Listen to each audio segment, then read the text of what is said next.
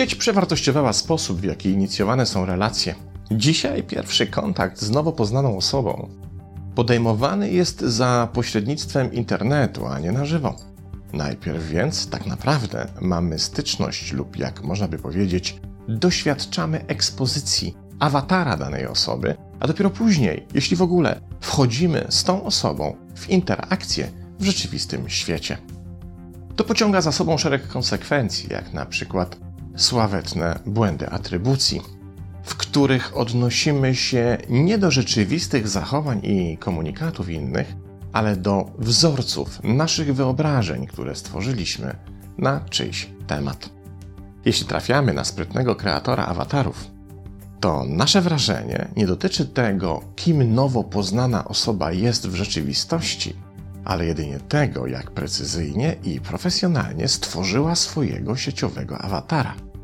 To zaś powoduje, że weryfikacja takiej znajomości w rzeczywistym świecie może być bardzo bolesna, a w najlżejszych wypadkach kończy się sporym rozczarowaniem.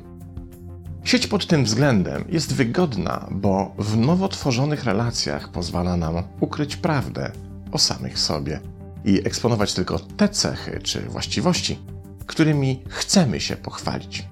Co wyraźnie widać na przykład na portalach randkowych. Jak prezentowane tam zdjęcia bardziej lub mniej różnią się od rzeczywistego wyglądu danej osoby a jej zainteresowania okazują się jedynie modną prezentacyjną strategią, a nie rzeczywistością i tym podobne.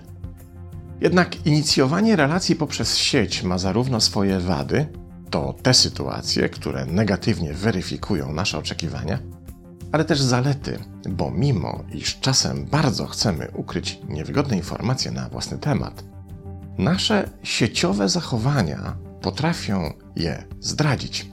Trzeba tylko umiejętnie patrzeć i starać się odpowiedzieć sobie na pytanie, czego tak naprawdę mogę się dowiedzieć o nowo poznanej osobie dzięki jej specyficznym sieciowym zachowaniom. A okazuje się, że możemy się dowiedzieć całkiem sporo. I współcześni badacze z zapałem zaczęli śledzić nowe relacyjne zjawiska, starając się odkryć ich przyczyny. Dzisiaj spróbujemy się przyjrzeć zaledwie jednemu z takich zachowań, ale za to takiemu, które w obiegu fachowej literatury ma już swoją nazwę. Ale najpierw posłuszmy się przykładem. Oto Kaśka poznaje z dziśka.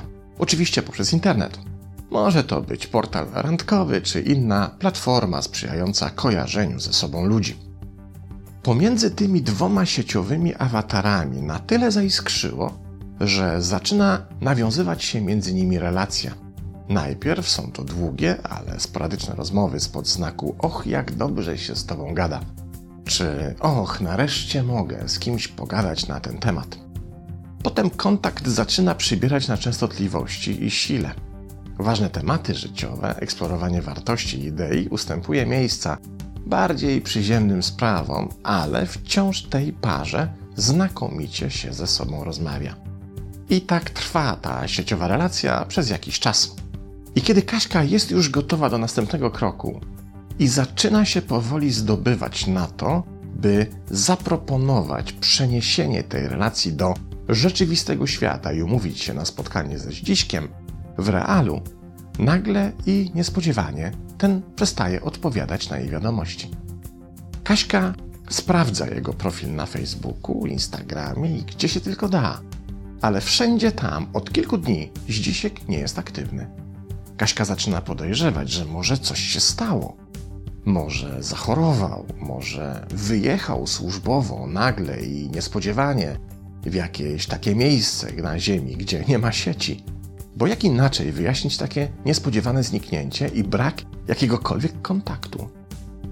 Mocno zdezorientowana i przejęta Kaśka zaczyna szukać dziśka, gdzie się tylko da i okazuje się, że zamilkł na dobre i od kilku dni po prostu wyparował z sieci. W końcu Kaśka, już naprawdę przejęta, zwierza się ze swego zmartwienia swojej koleżance Eli. Zdzisław zniknął? Odpowiada zaskoczona Ela. No coś ty, przecież gadałam z nim przez Skype'a niecałą godzinę temu. Przykład numer dwa. Tym razem Edek poznaje Izę, najpierw w sieci, ale relacja na tyle szybko się rozkręciła, że nowo poznani, mający się ku sobie ludzie przenoszą ją do realu.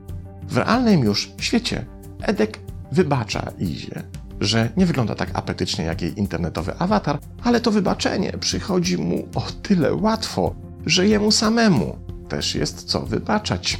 Zamiast brzusznego sześciopaka jest mięsień piwny, a wiek metryczny mocno się różni od deklarowanego. Ale mimo to para uznaje, że relacja jest obiecująca, bo wciąż świetnie im się ze sobą rozmawia. Mają to samo poczucie humoru, uwielbiają ten sam rodzaj sarkazmu. Jak się okazuje, w szczenięcych latach czytali te same komiksy i zbierali takie same samochodziki i przebierali w sukienki te same lalki.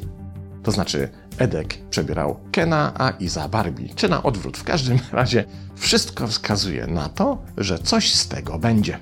W końcu nadchodzi ten historyczny moment i oboje lądują w sypialni, gdzie wbrew wcześniejszym obawom i niepokojom, wszystko wydaje się do siebie pasować. A oczekiwania i szczypta szaleństwa nie przekraczają wspólnie postawionych granic. I tak trwają te relacyjne fajerwerki, uwalniając całe hektolitry oksytocyny. Ale wszystko co dobre kiedyś się kończy. Szalony weekend w Zakopanem również.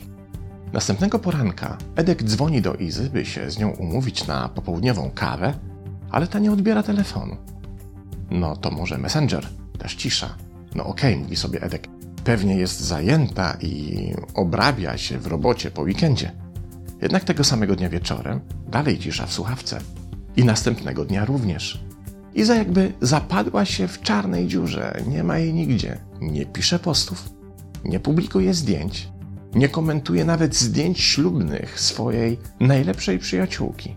Nic, cisza i mrok. Edek zaczyna się poważnie martwić, bo przecież na pewno musiało się coś stać. W końcu, po paru dniach, spotyka na ulicy ich wspólną znajomą Elkę. Wiem, że już była w poprzedniej historii, ale niech się pojawi po raz drugi. Jak to zniknęła, wykrzykuje roześmiana Ela. No coś ty, przecież właśnie dzisiaj rano byłyśmy razem na kawie. Co łączy te dwa powyższe, oczywiście całkowicie zmyślone przeze mnie przykłady? Zjawisko nazywane w psychologii relacji ghostingiem, które stało się w ostatnim czasie przedmiotem całkiem sporej ilości badań. Cóż oznacza ghosting? Dokładnie to, co sugeruje. Jego nazwa zamienienie się w ducha. Odejście bez słowa, zerwanie wszelkiego kontaktu bez najmniejszej próby wyjaśnienia tego przyczyn. Temu zaś unikaniu zazwyczaj towarzyszy również kilku lub kilkunastodniowa nieobecność w sieci. Znikający duch nie pozostawia śladu swojego istnienia, jakby chciał jeszcze bardziej podkreślić: Znikam z Twojego życia i wszelkie próby nawiązania ze mną kontaktu, czy też namierzenia mojej obecności z góry skazane są na przegraną. Nie szukaj mnie. Zrezygnuj z jakichkolwiek prób ustalenia mojej aktywności. Zaś im szybciej to zrobisz, tym szybciej będę mógł, czy mogła, wrócić znowu do sieci. Okazuje się, że zrywanie relacji na ducha, czyli ghosting, jest dużo bardziej powszechne niż nam się wydaje. W 2018 roku na łamach Journal of Social and Personal Relationship opublikowano wyniki badań ukrytych teorii związków przeprowadzonych w USA na 1300 osobach, które wykazały, że aż jedna czwarta tej grupy doświadczyła w przeszłości ghostingu od swoich relacyjnych partnerów, zaś jedna piąta sama w ten sposób zakończyła jakąś relację. Kolejne badanie, przeprowadzone przez kolejne zespoły naukowców, wskazuje, że te liczby mogą być dużo większe. Jednak, co istotne w badanym zjawisku ghostingu, wyróżnia się kombinacja dwóch technik. Z jednej strony jest to strategia unikania kontaktu, czyli zniknięcia, ale z drugiej strony dodatkowo stosowany jest element komunikacyjny. Osoba kończąca w ten sposób relację na jakiś czas zawiesza swoją aktywność w internecie, co ma dodatkowo poinformować drugą stronę relacji, że zniknięcie jest ostateczne i odwieść ją od podejmowania prób ponownej komunikacji. Co więcej, To zamiknięcie na portalach społecznościowych trwa tak długo, dopóki ghost nie upewni się, że porzucona przez niego osoba nie zrezygnuje z poszukiwań. I ten zabieg stosowany jest celowo. Ma dodatkowo wzmocnić komunikat: zniknąłem czy zniknęłam, i najlepiej się z tym szybko pogódź. W ten właśnie sposób powstała współczesna strategia zamykania relacji. Pora odpowiedzieć na pytanie, czy ghosting lub inne zjawiska w nowej psychologii relacji, takie jak zombing, breadcrumbing czy mindless hookups, do których jeszcze będę wracał w późniejszych wykładach, są na pewno nowe? Otóż nie. Ludzie w ten sposób zachowywali się w relacjach od zarania dziejów. Nowa jest jedynie skala tego zjawiska, która jest następstwem łatwości zastosowania jej w sieci. Pora zatem odpowiedzieć na pytanie, jakie są konsekwencje ghostingu dla obu stron relacji. Zarówno tej strony, która w ten sposób relację kończy, jak i tej, dla której takie zakończenie relacji jest sporą niespodzianką. Ale zanim odpowiem na to pytanie, musimy przyjrzeć się powodom takich zachowań, co również było przedmiotem badań. Otóż okazuje się, że ludzie, którzy posługują się strategią zrywania relacji poprzez ghosting, czynią tak z kilku podstawowych powodów. Po pierwsze, takie zerwanie wydaje się być najwygodniejszą z opcji, bo zwalnia delikwenta z potrzeby stanięcia twarzą w twarz z drugą osobą i powiedzenia jej prosto w oczy, iż uznał czy uznała, że ta relacja mu lub jej nie odpowiada lub nie spełnia jego lub jej oczekiwań. Dzięki temu nie trzeba się mierzyć z emocjami odrzucanej w ten sposób osoby, a przecież będzie ona nie tylko rozemocjonowana, ale też będzie domagała się wyjaśnień, będzie podejmowała próby ratowania tej relacji itd. Tak Zamienienie się w ducha w tej sytuacji wydaje się więc najmniej uciążliwym wyjściem. Po drugie, sam ghosting jest powiązany z powodem rozpoczęcia relacji. Kiedy jest on oparty na atrakcyjności awatara, zarówno fizycznej, ocenianej po opublikowanych w sieci zdjęciach, jak i osobowościowej, po deklarowanych atutach, to taka relacja w mózgu lokowana jest w szufladce łatwa, nietrwała, a więc mniej zobowiązująca niż normalna. I to ułatwia podjęcie decyzji o zakończeniu jej właśnie w ten sposób. Po trzecie, jak deklarują badani, ghosting pojawiał się jako opcja w sytuacji, gdy w relacji pojawiały się negatywne interakcje. Na przykład wówczas, kiedy czyjeś zachowanie czy słowa z jakichś powodów nie przypasowały jednej ze stron. Wówczas zamiast odważyć się na powiedzenie: Nie pasuje mi to, jak się zachowujesz czy mówisz, łatwiej uciec i zniknąć. Po czwarte, w odpowiedziach badanych pojawia się rekalkulacja wymiany, co oznacza, że dana relacja zostaje przez jedną ze stron oceniana w kategoriach za i przeciw, na przykład w kontekście zysków i strat, niekoniecznie finansowych, ale emocjonalnych, mentalnych, czy też dotyczących wzajemnego wsparcia, poświęcania uwagi, zrozumienia itd. Tak Kiedy zaś ta kalkulacja wychodzi na niekorzyść kalkulującego, ten uznaje, że łatwiej jest zerwać relację niż ją na nowo kontraktować, rekalibrując w niej sprawiedliwość wymiany. I po piąte, badani deklarowali kwestie związane z przekroczeniem ich progu bezpieczeństwa. I to zarówno w sytuacji, gdy badany czuł zwiększenie niebezpieczeństwa, bo ktoś okazywał się dziwny, nieprzewidywalny lub nieodpowiedni, ale również wówczas, kiedy zdaniem badanej osoby relacja zmierzała ku przekroczeniu pewnego bezpiecznego progu na które to przekroczenie dana osoba nie była po prostu gotowa. To na przykład sytuacja, w której jedna strona uznaje, że najwyższy czas na formalizację związku i podejmuje rozmowę o małżeństwie, a druga strona w ogóle nie uznaje, że ta relacja mogłaby zajść aż tak daleko. Jeśli teraz przyjrzymy się powyższym powodom ghostingu, to odpowiedź na pytanie o konsekwencje tego typu zachowań dla każdej ze stron zdaje się być oczywista. Jeśli więc wobec jakiejś osoby ktoś kiedyś się tak właśnie zachował, czyli zamknął relację bez słowa wyjaśnienia, jednocześnie wyciszył swoją aktywność w internecie, by dodatkowo wzmocnić efekt zniknięcia, to wnioskowanie jest wyjątkowo proste. Z tej relacji i tak by nic nie wyszło, bo sam akt ghostingu wyraźnie wskazuje, że ktoś taki nie jest w stanie wziąć na siebie odpowiedzialności związanej ze szczerą i uczciwą rozmową. Tworzenie związku z kimś takim nie ma nic wspólnego ze szczęściem i spełnieniem. To droga przez piekło.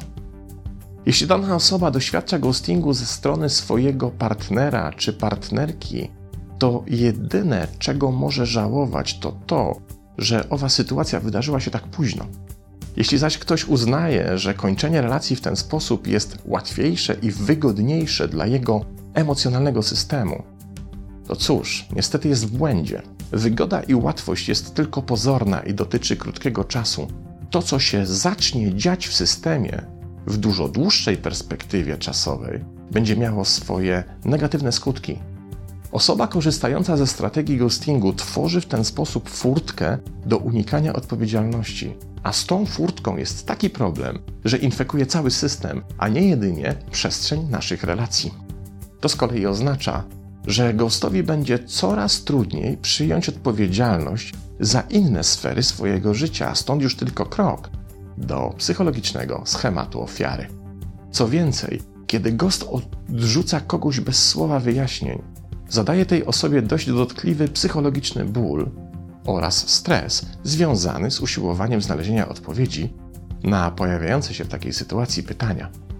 Kiedy zaś system Ghosta nauczy się, że istnieją tak proste wyjścia z relacji, zacznie je przenosić nie tylko na relacje damsko-męskie, ale również przyjacielskie, kumplowskie i zawodowe.